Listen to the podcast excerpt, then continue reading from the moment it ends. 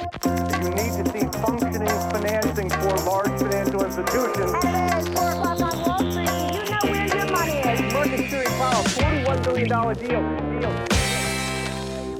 Då är det dags för investerarens podcast nummer 60 i ordningen. Idag ska vi prata lite grann om några bolag som, eh, som träffade min radar efter att jag tillsammans med Johanna var på ett, eh, en träff med ett fondbolag här på stan som kampar om första platsen tillsammans med Robur Ny Teknik när det kommer till teknikbolagen.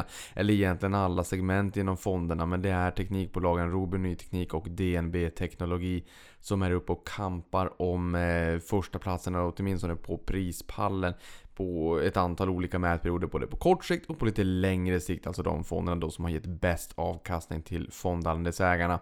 Jag tror inte det är någon som har missat att teknikbolagen har varit i ropen, eh, i ropet de senaste åren. Många tycker att det kanske är lite högre risk för att många av de här bolagen inte går med vinst. Jag har sagt tidigare att 80% av bolagen i USA som eh, kom in till börsen i fjol gick faktiskt inte med vinst. 17% av techbolagen gick med vinst, det vill säga eh, 83% av bolagen gick inte med vinst. Så att, eh, vad ska man säga? It's a new economy möjligtvis. Men eh, techbolagen är ju liksom eh, techbolag eller tech, det är ju en, en en, en bransch som sådan. Men menar, där i så gömmer sig väldigt många bolag. Det kan ju vara lönsam tech eh, som faktiskt är lönsam idag, alltså lönsam tillväxt. Och sen så kan det ju vara morgondagens stora bolag som liksom egentligen bara vill eh, så snabbt som möjligt eh, mm, eh, vinna landvinningar och växa så snabbt som möjligt. Och då är det ju liksom growth som gäller. Och eh, sen i framtiden så kommer ju lönsam tillväxt då helt enkelt. Men, men där är vi ju kanske inte i dagsläget. Och det kanske är liksom Liksom Zoom och Pinterest och ehm, eh, Uber och Lyft och den typen av bolag som växer väldigt kraftigt. Eller Slack för, för den delen som kommer in här i, i juni som jag tror att många känner till. Det är inte riktigt den typen av bolag som eh, DNB Teknologi har riktat in sig på. Eh, och jag kommer att gå igenom några bolag som jag tyckte var lite intressant här när de drog liksom vilka, vilka bolag som de fastnar för och eh, varför. Men någonting som absolut har varit på ropet sen förra veckan det är ju självfallet handelskonflikten. Denna konflikt som Eh, inte riktigt verkar få någon lösning, åtminstone inte i det korta perspektivet. Vi går snart in i juni månad 2019. Eh, för vissa som är liksom early birds så börjar snart semestern. Ehm, det är därmed snart ett år sedan vi började diskutera om handelskonflikten och liksom darra lite grann på manschetten ute på börsen. Eh, därför att det, liksom det här orosmolnet blåsade upp lite grann. Man brukar ju säga att Eh, det kanske är som allra jobbigast på börsen om det är klarblå himmel. För att då är det någonting som är lite fel. Ni vet, om man någon gång är liksom, man tittar på en rys eller sånt där. Man är i skogen, det finns det är inga fåglar som kvittrar. Det är liksom det är knäpptyst och du tänker ah, ah, ah nu händer det någonting. Eh, och det är väl lite grann som på börsen också. att eh, eh, Ser man en klarblå himmel och det inte finns några moln alls på horisonten. Då vet man att det, det skulle kunna tänkas komma en, en blixt från, eh, från en klar himmel. Eh, det kommer alltid att finnas en, del eh, moln. Jag menar, för dig som har lyssnat på podden med Henrik von Sydow på Carnegie. Jag menar det att nu kanske det är ännu mer mörka moln än vad det tidigare har varit när han gästade för någon månad sedan. Ehm, för det finns ju många, många utmaningar. Det är handelskonflikt och det är nollränta och liksom det, det är en, en, expansiv penningpolitik som någon gång ska stramas upp. Och det, det är en, en, ökad eh, populism i många länder och liksom extrempartierna vinner mark etc. Så det är många frågetecken kanske just nu där ute. Men det kommer alltid att eh, finnas frågetecken. Men det till trots så har ju faktiskt den här handelskonflikten inte bara så att man har fortsatt att gnabbas utan den har ju faktiskt till och med eskalerat. Eh, för förra helgen så twittrade ju Trump och sa att eh, man inte alls kanske riktigt hade kommit så långt som, som eh, vad marknaden då trodde. Och att det mer eller mindre fanns ett ganska färdigt avtal men som då han menar på Kina backade ur genom att man försökte ändra på ganska mycket i det här avtalet. Eh, och där hotar han ju då i sådana fall med att eh, höja tarifferna från 10 till 25% eh, på ett flertal varor och tjänster motsvarande 200 miljarder dollar då. De här tullarna skulle införas och tarifferna skulle höjas och så att säga på fredagen därefter. Det gjorde de också. Så nu har vi en tullar som har höjts i ganska mycket. Eh, och, och, Trump menar då på att eh, de här pengarna som, som dräller in gynnar amerikansk ekonomi och är liksom en, en, en källa till, eh, till en fantastisk förmögenhet som, som gynnar USA då. Eh, och det är väl kanske inte riktigt alla som håller med om det för att eh, rimligtvis så är det ju konsumenterna som får ta den större smällen. Eh, I och med att eh, produkter och tjänster blir eh, dyrare helt enkelt. Och då tycker väl Trump liksom att ja, men köp produkter och tjänster som är tillverkade i andra länder. Eh, möjligtvis andra låglöneländer i Asien. Eller varför inte köpa American made. Men det är klart att då måste man ju lägga in den komponenten också att American made kommer att bli dyrare. Jag menar, ska du köpa en kläder eller en keps eller skor eller vad det kan tänkas vara. Självfallet blir det ju så att det blir betydligt mycket dyrare om det är tillverkat i USA med en högre lönekostnad, högre personalkostnad eh, än om det hade varit tillverkat i Kina. Jag menar, det här går tillbaka till ekonomin och komparativa och absoluta fördelar.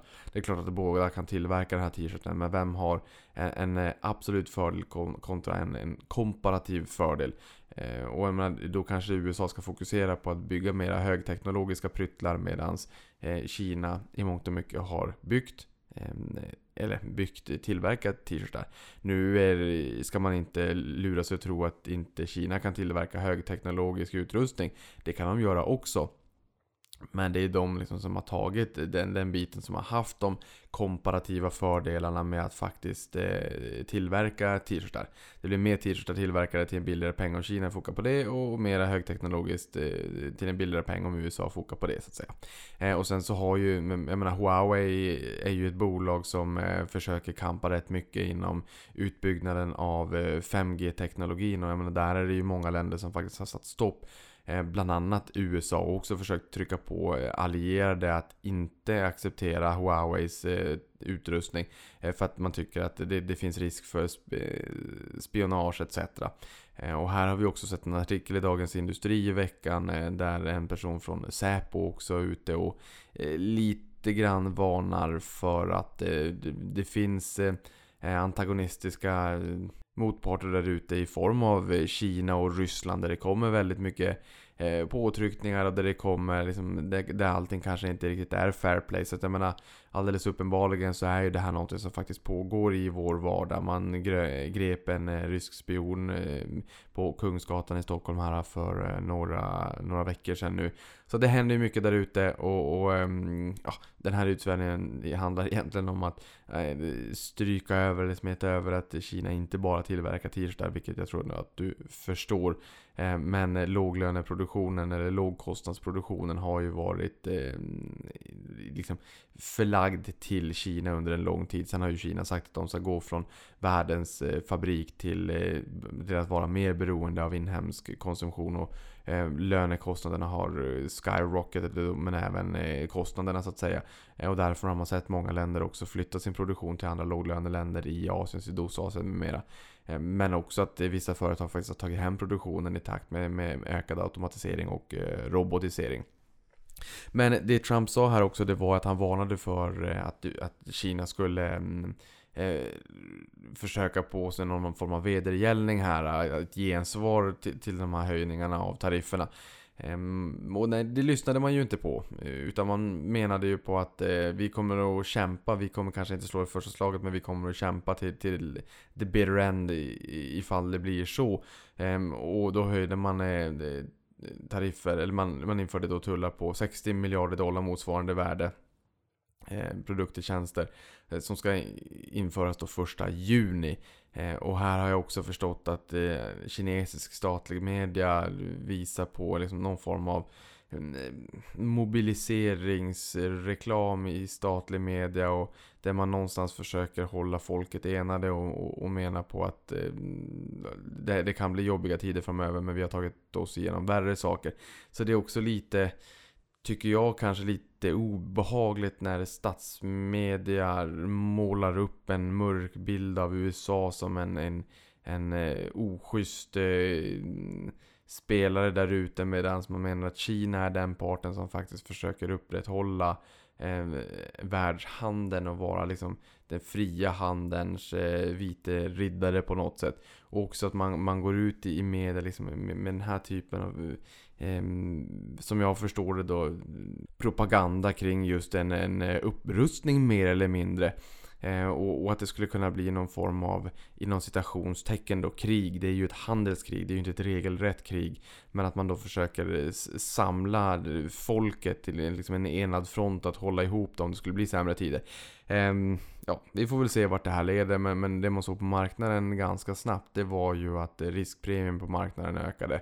Eh, med fallande aktiekurser då som eh, följd för väldigt många hade ju förväntat sig att det här skulle lösa sig. Och det har Trump eh, många gånger också sagt. Eh, men sen visade det sig att så faktiskt inte var fallet. Och det visar ju också någonstans att man kanske inte riktigt alltid fullt ut kan lita på, på det han säger. Det här kan ju vara så att det var Kina som ställde till det men det har varit lite tvära svängningar i det han har sagt och det han har kommunicerat i sitt hemmedium Twitter.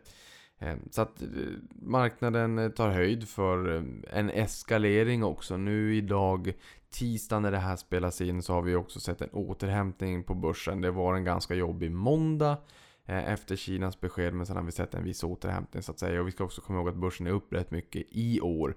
Men en liten sättning neråt var det. Och Ehm, vi såg förra veckan, då sjönk börsen 4,1%. Då var det liksom eh, Trumps ehm, tariffvecka, eller Tariff Friday då på fredagen där när tarifferna infördes. Så att det, blev, det var ju en hel vecka med väldigt mycket oro. Det hade liksom inte fått landa. Eh, och så började vi den här veckan då med, med eh, Kina. Så det blev den sämsta veckan i år, minus 4,1%. Eh, men det till trots så är vi ju faktiskt upp eh, väldigt mycket i eh, år helt enkelt. Tittar man på USA när det här beskedet från Kina kom så bara lite sån där kuriosa kan sägas att de 10 bolagen på S&P 500 som är ett index med de 500 största börsbolagen i USA. Om man tar den ackumulerade nedgången på de 10 bolagen som såg störst tapp i börsvärde Eh, så motsvarade det halva Stockholmsbörsen mätt i OMXS30 på en dag då. Så där förstår man också någonstans storheten, hur stor den amerikanska börsen är. De amerikanska börserna eh, kontra eh, Stockholm. Det är rätt stora pengar i rörelse i sådana här dagar. Och det är klart att skulle man få en förlängning av oron så skulle man också se lite tvära kast som kanske inte alltid är strängt kalkylerande nyttomaximerande för att det har blivit en, en ökad indexifiering av eh, pengar. Eh, så att pengarna är mera okänsliga. Det är mera liksom antingen köper vi eller så säljer vi och så, så bryr vi oss inte om värderingar. Vi har sett det här tidigare och vi kommer förmodligen se det igen om det blir stor oro i marknaden. Eh, att marknaden inte riktigt i våran mening kanske agerar rationellt utan att det, det kommer väldigt stora eh, passiva flöden som i mångt och mycket kommer att styra marknaden till viss del också. Men jag sa att eh, börsen föll minus 4,1% det var sämsta i år. Eh, och det är sämsta veckan sedan vecka 6 i fjol. Då, då fick vi ett fall på 5,3% på OMXS30. Eh, och det är ju ganska föga förvånande får man väl säga, cykliskt som har tagit stryk. I och med att ja, men vi, vi hade en jobbig avslutning på fjolåret och sen har vi haft en, en ordentlig uppgång på ja, men, 25, 30, 40% 40% på vissa cykliska bolag där de fick en, en fin rebound. Eh, och sen nu då när, när förväntningarna kring konjunkturåterhämtningen återkommer på skam. Då är det klart att då är det ju de bolagen som tar eh, lite mera stryk helt enkelt. Ehm, och tittar vi på de amerikanska bolagen, de som har mer än 50% av försäljningen utomlands, alltså utanför eh, USAs gränser, eller utanför USA helt enkelt. Eh, då har de sett en tvåsiffrig minskning av vinsten per aktie i Q1. Eh, och 79% av bolagen har utfärdat negativ guidance för Q2. Eh, och det får man väl sättas i kontext eller jämförelse då med femårssnittet som ligger på 70%. Så att de bolagen som har internationell exponering, som har en stor del av försäljningen utomlands, de har drabbats hårdare, de har sett vinsten falla tvåsiffrigt i, i första kvartalet. Ehm, helt enkelt. Och, eh, om det är så att handelskonflikten fortsätter att eskalera, men då, har man ju, då, då brukar jag ju säga det att Dow Jones är ju det indexet eh, som har väldigt många ja, men blue chip companies som är väldigt beroende av hur det går i Kina och kring handelskonflikten. För att det finns, det är en stor exponering helt enkelt. Det är liksom McDonalds och eh, Caterpillar och Apple och Boeing och eh, Eh, Nike med flera. Så att eh, de mm, påverkas helt enkelt eh, kring hur, hur den här handelskonflikten utvecklas. För de har en rätt stor del av sin verksamhet i Kina helt enkelt. Men det till trots så har börsen fortsatt liksom att pinna på ganska bra i år. 6PRX är det indexet som är upp faktiskt allra mest, 17,3% följt av Nasdaq 100 på strax under 17%. Nasdaq på 16,5 630RX 16,7 Eh, OMXSPI eh, på 13,9 eh, S&P 500 13 OMXS30 12,9 och så Dow Jones 9,45. Så Dow Jones är ju den som ligger allra längst bak och det kanske är en viss förklaring till det jag då sa alldeles nyss här om att det är de bolagen som har en, en rätt stor exponering och sårbarhet just mot eh, handelskonflikten. Och just det här med, jag menar, vi hade en ganska jobbig avslutning på förra året och där ser man nu eh, att det är väldigt många som är lite oroliga och som har det färskt i minne. För att eh, Bank of America Merrill Lynch har i veckan skickat ut en enkät till investerare som eh, det här 34% av dem responderade då att eh, de skyddar sina portföljer mot en stor nedgång det kommande kvartalet, alltså de kommande tre månaderna då. Eh, och det här är den högsta noteringen någonsin sedan man började ställa den här frågan. Så det är klart att det är lite nerverna utanpå och det finns lite oro där ute kring vad som ska hända om det så att det, det här eh, blir liksom än värre än vad det redan är i dagsläget. Eh, och där kanske man inte riktigt kan utläsa hur mycket som är att marknaden då tror, eller investeraren då tror att det kan bli betydligt mycket värre kontra hur, hur färskt i minnet den, den senaste nedgången var. Eh, och det är klart att vi, vi steg ganska mycket i år och eh, efter den uppgången så passerade vi precis fjolårets topp 29 augusti. Den var på 1679 indexpunkter eh, på OMXS30.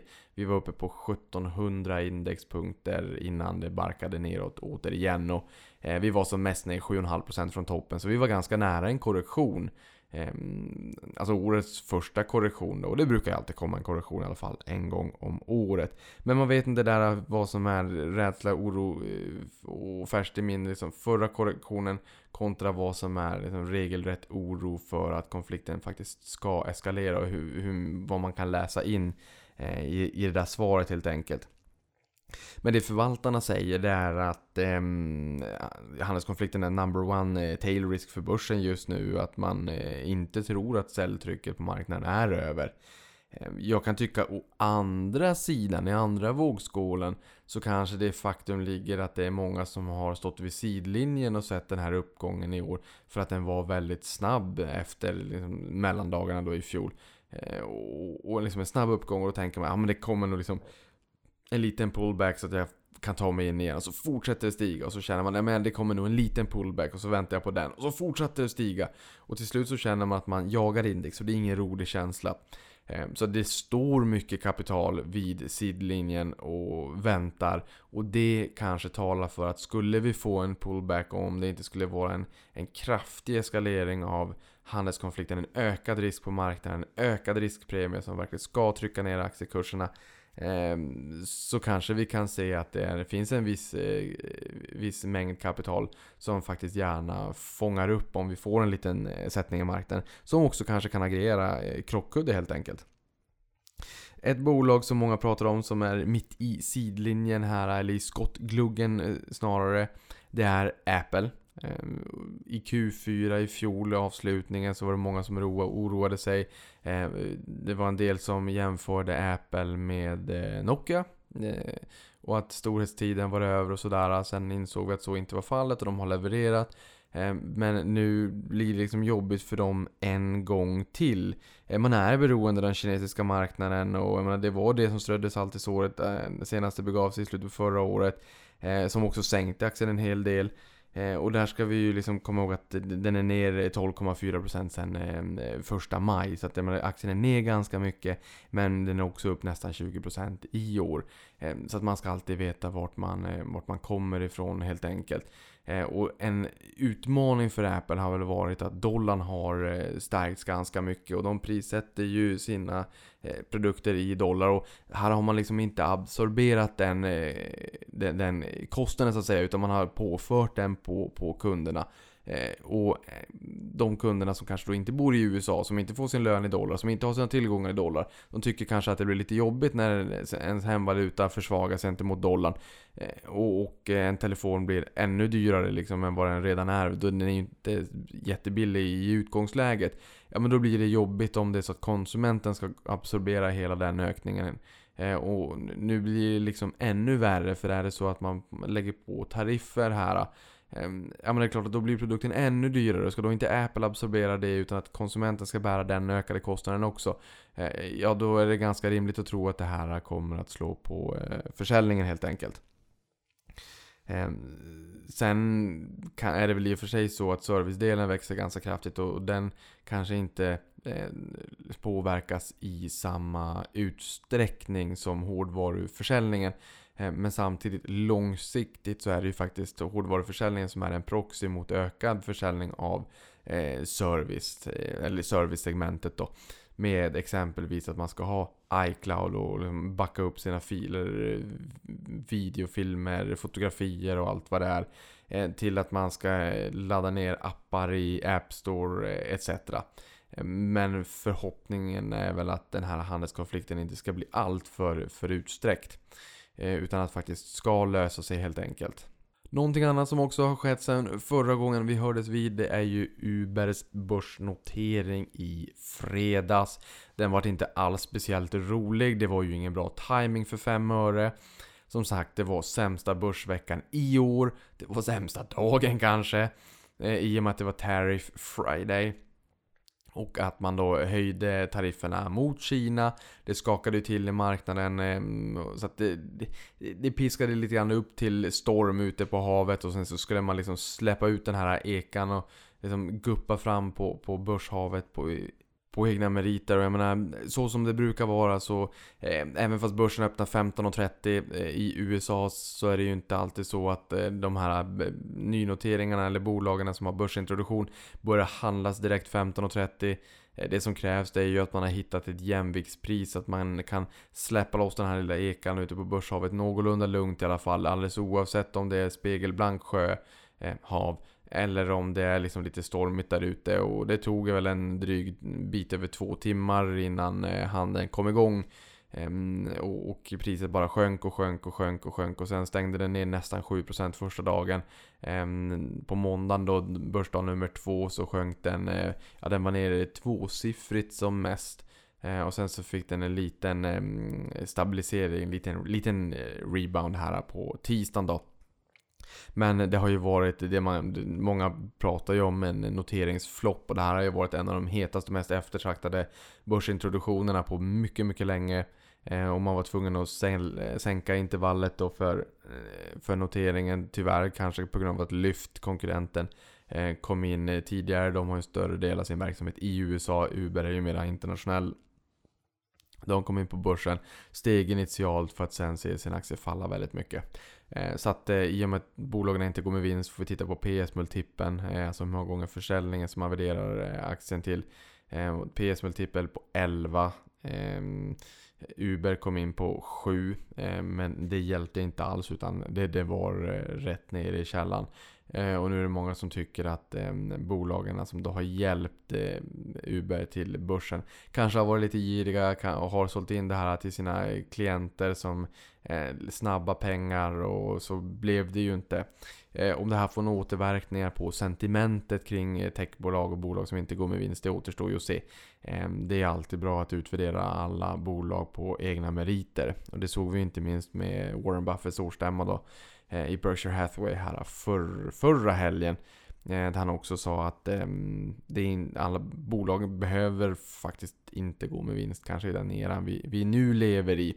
Eh, och att the proof is in the pudding helt enkelt. Så att det återstår ju att se. Men som jag sagt tidigare, det viktigaste är att bolagen har en, eh, en gameplan och att man har en, en path to profitability så att man åtminstone vet hur man eh, ska ta sig till lönsamhet framåt. Och på tal om den här PS-multipeln på eh, 11 på lyft, 7 på Uber när de kom in. Så kan jag säga att Beyond Meat fortsätter att stiga väldigt kraftigt. Den kom in på börsen här för en tid sedan, poppade upp 190% första dagen. Stängde på typ 160% upp.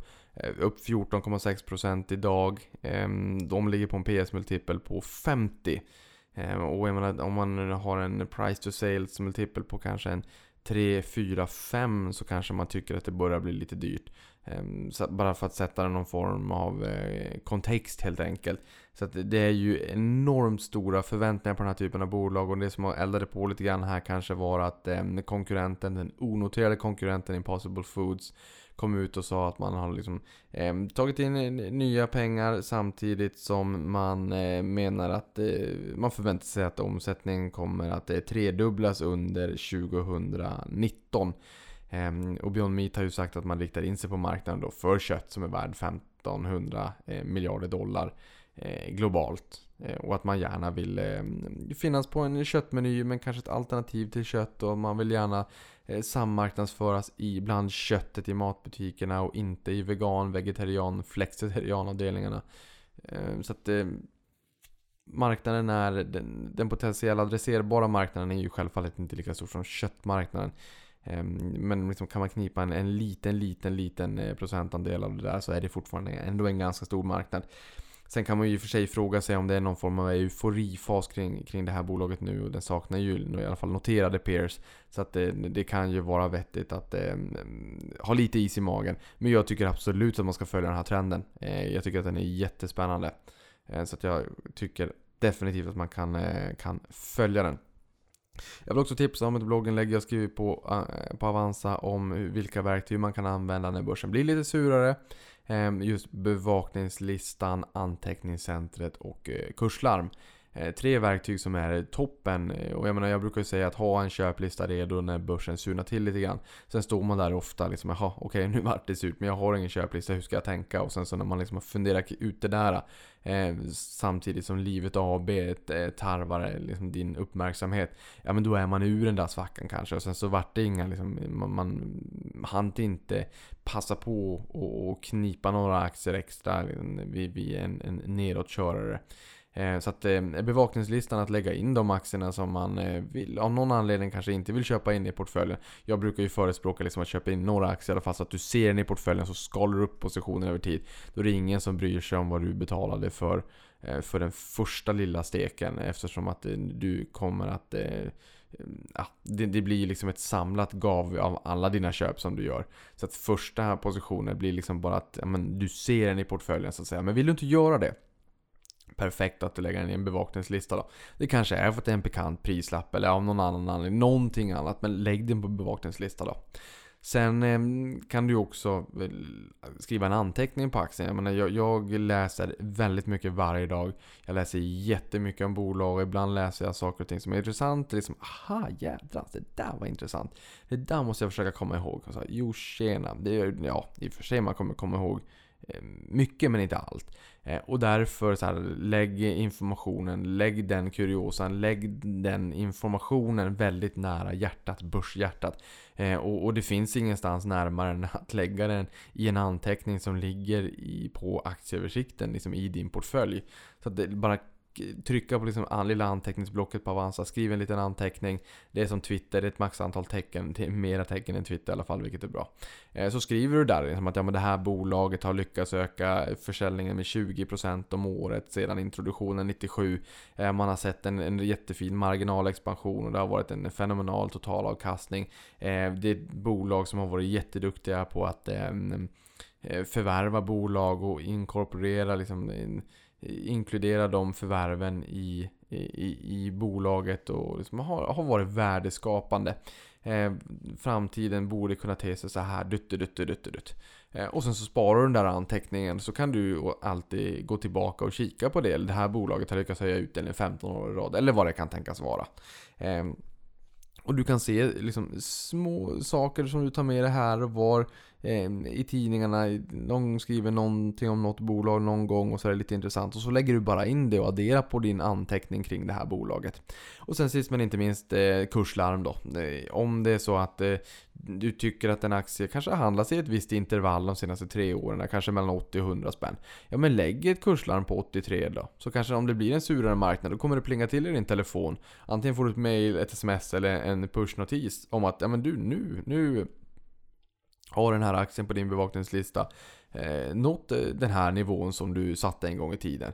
Eh, och då kanske det är lite närmare till köp att du faktiskt går från ord till handling och, och faktiskt eh, utnyttjar det läget som, som eh, marknaden bjuder på. Nu är det hög tid att eh, ta det sista man sparar, det gottaste till sist. Eh, och prata lite grann om DNB Teknologi. Eh, jag och Johanna var och träffade bolaget här för några dagar sedan. Eh, och där pratade förvaltarna, de var på, eh, på besök i Stockholm. Jag tror att de sitter i Norge om inte jag är helt ute svävar. Det är en norsk bank. Eh, och de pratade också norska så att man fick spänna öronen extra noga för att försöka, eh, försöka förstå eh, vad de sa. Um, och, och um, Det intressanta där var att de har en fenomenal avkastning om vi tittar historiskt. Det är de och eh, uh, Rober Ny Teknik då helt enkelt. Um, men de var inte riktigt sådär uh, jätteintresserade av de här allra hetaste techbolagen. Eh, FANG är typisk klassisk akronym. Facebook, Amazon, eh, Netflix och Google eller numera Alphabet. Då. Eh, och vi har också sett att börsuppgången har blivit allt smalare i USA. Till allt mindre och mindre bolag som, till antalet då, som står för nya kursrekord, liksom nya stegringar. Så.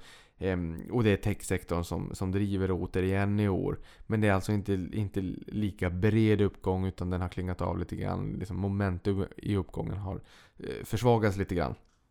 Eh, men den här fonden då, DNB Teknologi. Där är det 54% i USA, så de ligger väl egentligen i linje med kanske en global fond. Där brukar det vara en bit över 50% i USA. I och med att det är världens största kapitalmarknad då.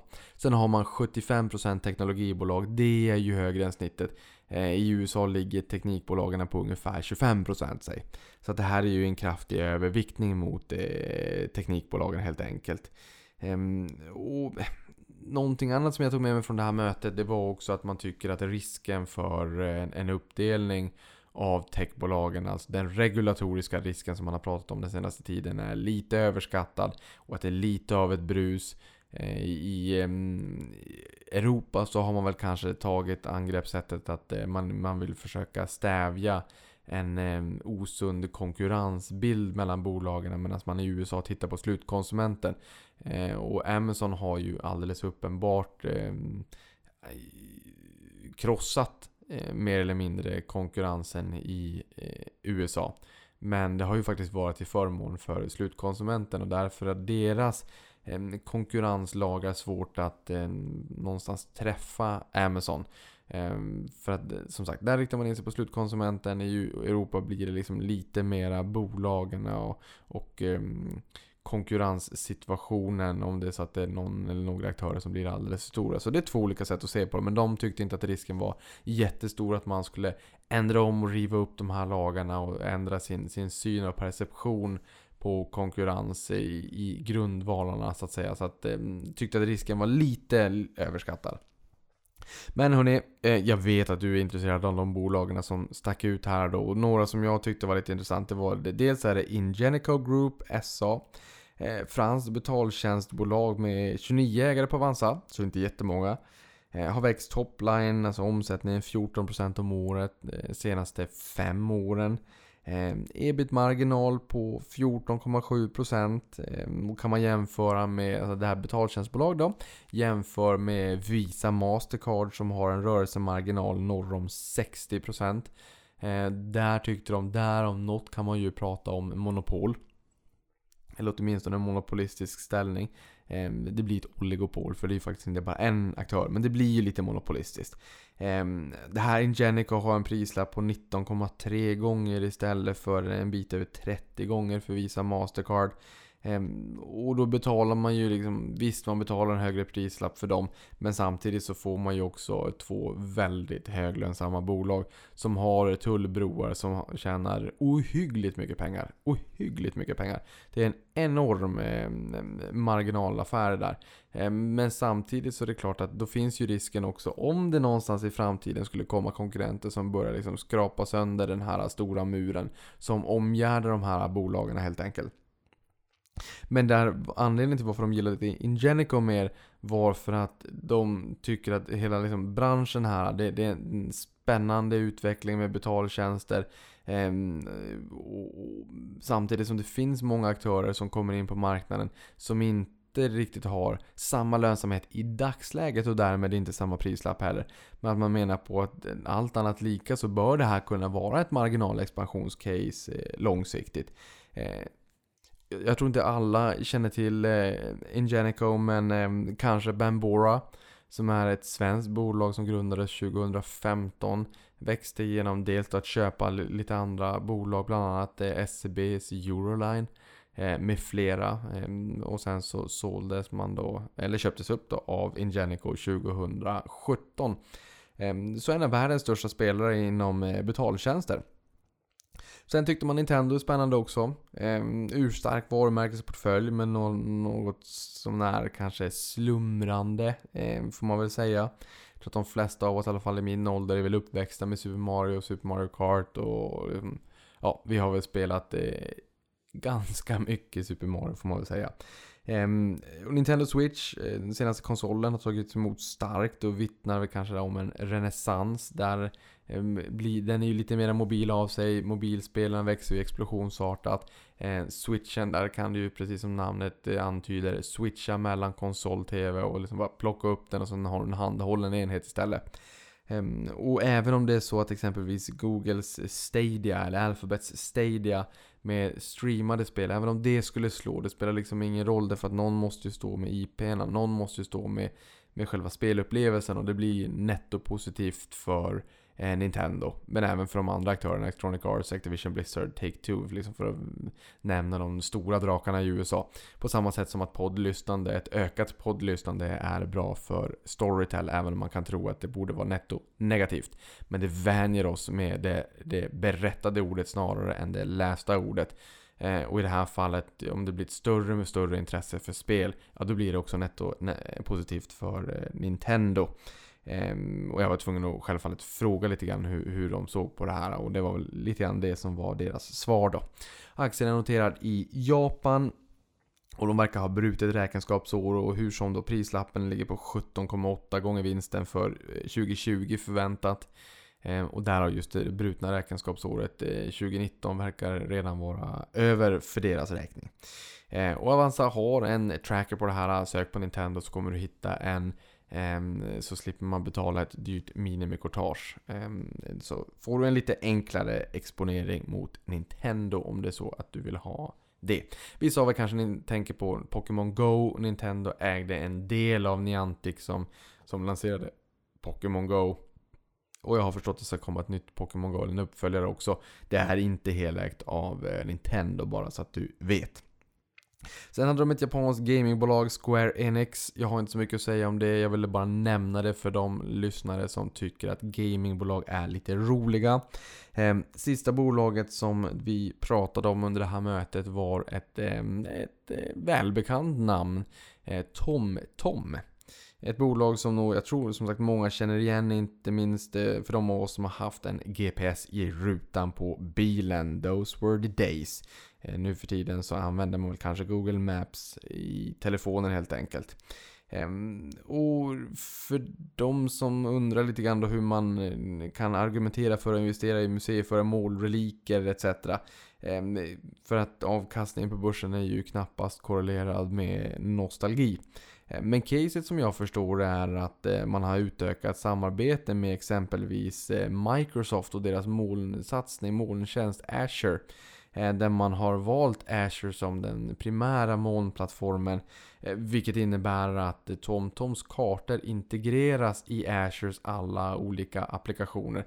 Så de företagarna som väljer Azure för, eh, för Amazons, Amazon Web Services kommer när de har applikationer med kart kartmoment i sig så kommer det att vara TomToms kartor som liksom är infeedade i Microsofts applikationer.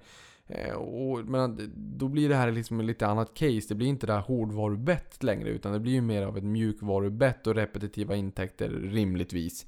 Eh, så de tyckte att det här känns lite spännande och jag tror att de allra flesta som bara hör TomTom, de, de reagerar likadant med man rynkar på näsan och tänker såhär Uff, det där var ju några år sedan är det där verkligen intressant. Ehm, men, men det här är liksom, de lägger om sin verksamhet och det kan nog vara liksom lite spännande. Eh, att åtminstone läsa på lite mera kring. Eh, och prislappen på det här ligger på 9,95 eh, gånger eh, vinsten då för 2019 förväntat. Så det är ju ingen jätteutmanande prislapp på det här eh, heller helt enkelt. Men det var det om det. Det var det jag tänkte säga där. Vi får väl se om vi kanske kan locka hit någon från DNB Teknologi lite senare och prata om eh, just eh, teknikbolag och hur man ska tänka och hur, hur man ska sålla agnarna från vetet. Inte minst i en tid där det Ehm, det, det, man måste tänka liksom ett steg längre för att många bolag då tjänar bedrövligt mycket pengar men, men inte kanske alltid går med vinst helt enkelt. Men med det sagt, låt oss avsluta med ett nyhetssvep. Och då kan vi säga att Lyft har släppt sin första kvartalsrapport som noterat bolag. Ehm, och som sagt, bolaget går inte med vinst.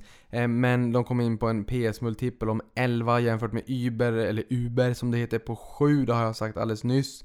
Eh, och intäkterna steg 95% till 776 miljoner US dollar men förlusterna steg de med. Förlusten landade på 1,1 miljarder US dollar vilket är nästan fem gånger högre än under samma period föregående år. Eh, det är en, en hård konkurrensbild. Nu kommer både Uber och Lyft vara noterade. Båda är noterade vilket innebär också att det blir eh, en, mer ökad transparens kring siffrorna. Det kanske kan eh, spälla på konkurrensen ännu mera. Sen har vi Electronic Arts som bjöd på starka siffror och steg 8% i efterhanden efter sin rapport. Eh, och även vinstprognosen som bolaget lämnade överträffade analytikernas förväntningar. Eh, och här pratade man ju en del om eh, Apex Legends som har kommit in och rönt stort intresse och försökt utmana bland annat liksom populära spelet Fortnite då. Som väldigt många spelar. Här fick man ju, eh, jag tror det var 10 miljoner människor att börja spela eh, Apex Legends de första 72 timmarna. Så att det rönte ju jättestort intresse och de, de etablerade aktörerna EA, Activision Blizzard alla försöker ju ta fram sin motsvarighet i och med att man har sett att, att det har varit liksom, ett ökat intresse för eh, free to play och in-game purchases såsom Fortnite och och ehm, Ehm, PubG, rätta mig om jag har fel på den fronten. Ehm, men det har ju, liksom, trenden har väl varit lite grann åt det hållet och då får man ju kanske lite grann anpassa sig också. Apex Legends är ett bra exempel på det. Ehm, och här ser man ju liksom att bolaget har gynnats och fått lite vind i seglarna efter den här äh, spellanseringen då helt enkelt. Dessutom kommer EA Access som är en prenumerationstjänst likt en dataspelsbuffé att komma till Playstation eh, 4 i juli. Det har man haft på Xbox, nu kommer det till Playstation också. Det jag stör mig på allra mest på Playstation det är ju att det aldrig finns utrymme på hårddisken. Jag har köpt GTA 5 för Eh, tre veckor sedan eller sånt där. Jag har försökt installera det tre gånger och jag har gett upp. Eh, jag tror att jag börjar bli gammal. ICA, på tal om att bli gammal, inför digitala kvitton. Så att eh, alla åldringar nu som tycker att det är trevligt med kvittona i plånboken kanske mm, får se sig om framåt. Jag tror inte att de försvinner över natt, men ehm, man vill digitalisera kvittona då för sina kortkunder med hjälp av Kivra. Eh, och ambitionen är att alla Mika-kort ska få sina kvitton digitalt senast eh, 2020. Eh, och dessutom har man då eh, faktiskt också, kom det besked om idag, sålt samtliga aktier i Hemtex till norska kedjan Kid. Köpeskillingen här blev 226 miljoner på skuldfri basis efter transaktionskostnader. Eh, och det här ledde till en realisationsförlust om 400 miljoner kronor. Och ska vi dra oss till minnes lite grann, Hakon Invest hette det ju tidigare innan det hette ICA-gruppen. Eh, och där gick man in som delägare i Hemtex 2008. Ehm, och 2009 skalade man upp den här positionen när man köpte loss en stor post från norska Orkla. Eh, och redan då fanns det ett åtgärdsprogram för att förbättra lönsamhet och tillväxt. Och eh, det var egentligen samma argumentation eh, även eh, för årsredovisningen 2018. Det vill säga nio år efter att man köpte den här posten från Orkla och tio år efter att man gick in som delägare. Så det visar väl bara någonstans att ibland tar det faktiskt längre tid än, än vad man eh, tror. Och ibland kan det också vara så att problembarn får oförtjänt mycket fokus även fast det är en mindre del av den totala försäljningen och totala ehm, liksom, eh, liksom, lönsamheten i, i bolaget. Så att egentligen kanske en viss del av ett bolag inte förtjänar så mycket fokus som det kanske får. Ja, då är det ju bättre att faktiskt dra det plåstret helt enkelt. Sen har vi Walt Disney som tar operationell kontroll över streamingaktören Hulu. Eh, jag antar att man säger Hulu. Hulu. Hulu. Eh, som de eh, har då samägt med bland annat Comcast eh, och därigenom blir man då majoritetsägare och stärker greppet kring eh, streamingmarknaden. Man har ju också sagt att Disney Plus kommer då i november i år i USA och början på 2020 i bland annat då Sverige. Så det ska bli spännande, men man har även Hulu här då eh, och nu stärker man greppet där och man blir då alltså majoritetsägare. Det är Hulu också som har serien Lost som jag så gärna skulle vilja se för jag droppade av efter andra säsongen men jag vill så gärna ta upp det där igen men jag tror nog att jag får köpa boxen. Hulu går inte att använda från Sverige vilket är lite synd. Eh, sen kan man säga så här att för de som tycker att valutan är lite jobbig, den svaga valutan i Sverige och funderar på en semester, hemester, staycation eller allt vad det då heter eh, kärt barn har ju många namn, så kan man meddela då att KABE kom in med en rätt fin rapport här idag. Eh, bolaget bjöd marknaden på det bästa rörelseresultatet någonsin i en kvartalsrapport och marknaden belönade aktien med en uppgång om 7%. Det är klart att eh, stiger det år över år över år, då blir det ju alltid rekord så att säga. Så det här är också kanske lite semantik och lite, eh, lite lek med ord om man så säger. Men eh, topline, eh, det vill säga försäljningen steg 11% och rörelseresultatet steg 9,1%. Och sen bottomline, då, nettoresultatet plus 15%. Någonting som stiger 15% om året, det vet ni, fördubblas på 5 år. Sen har vi Slack, eh, förväntas ske en direktnotering på Nyse den 20 juni. Indikativ värdering en bit över 7 miljarder dollar. Ehm, spännande tjänst med vind i seglen, de går inte heller med vinst. Ehm, som sagt, alla bolag behöver inte göra det. Man har, så länge man har liksom en gameplan och en, en path to profitability och man kan peka på att ja, men nu är det liksom tillväxt som gäller. Vi vill få upp användarbasen. Eh, men givet en, en, eh, fokus på lönsamhet istället så skulle vi tjäna si och så här mycket per användare eller vad det kan tänkas vara. Så att man inte bara köper in sig i ett case som aldrig kommer tjäna pengar. Nu pratar inte jag om Slack specifikt utan jag pratar mer generellt så att säga. Ehm, men, men det blir jättespännande att se när de kommer in och en direktlistning då är det alltså ingen initial public offering utan eh, man noterar bara aktierna som finns då på, på börsen och sen så påbörjar handeln. Det är lite grann som ehm, Spotify Eh, när de kom in i april i fjol. Då var det lite problem också att få till ett jämviktspris. Det kommer säkert ske även här när Slack kommer in då så att säga. Men eh, de eh, kommer in på bara några veckor. Sen sist men inte minst, Match Group som äger Tinder räds inte konkurrenten från Facebooks datingtjänst. Jag kommer ihåg i fjol när Facebook gick ut och sa att man skulle införa någon form av datingtjänst så föll Match Group, jag tror det var 16%, föll jättemycket. Eh, men här ser vi liksom att de har inte tagit jättemycket stryk med, med facit i hand så här i efterhand och många kanske inte känner att man är bekväm med att ha en datingprofil på Facebook. Eh, jag menar, jag ser bara när eh, om jag går in i en sån här köp och sälj sida så kan jag se vänner. Den här personen sålde det här objektet för två år sedan. Ehm, det känns liksom, det där håller man separerat på något sätt. Eh, men mobilpenetrationen ökar och stigmatiseringen kring online dating eh, minskar. Så att eh, alla har en mobil i fickan, den ligger liksom 30 cm ifrån en typ dygnet runt när man ligger och sover, den ligger och laddar. Ehm, man har liksom en, en dating juppinalle i fickan. Eh, vilket kanske är en bidragande faktor till att Q1 topline steg 14%. Eh, year on year subs, alltså eh, antal abonnenter steg 16% eh, år över år. Eh, första kvartalet då 19 kontra 18. ARPUN, den average revenue per user, den genomsnittliga eh, intäkten per användare steg 4% och aktien är upp 54% eh, year to date då. Och här kan vi ju säga att eh, Tinder faktiskt är, eh, som jag förstår det, viktigaste varumärket i Match Group. De har ett antal olika, de mest namnkunniga är väl kanske Match.com och Tinder, men där Tinder då är viktigast helt enkelt. Eh, och med de orden så tror jag att där slutar jag så får vi se lite grann vad som har hänt fram till eh, nästa vecka helt enkelt. Så jag säger som jag brukar säga, avkastning på dig. Emergency Powell, $41 billion deal. deal.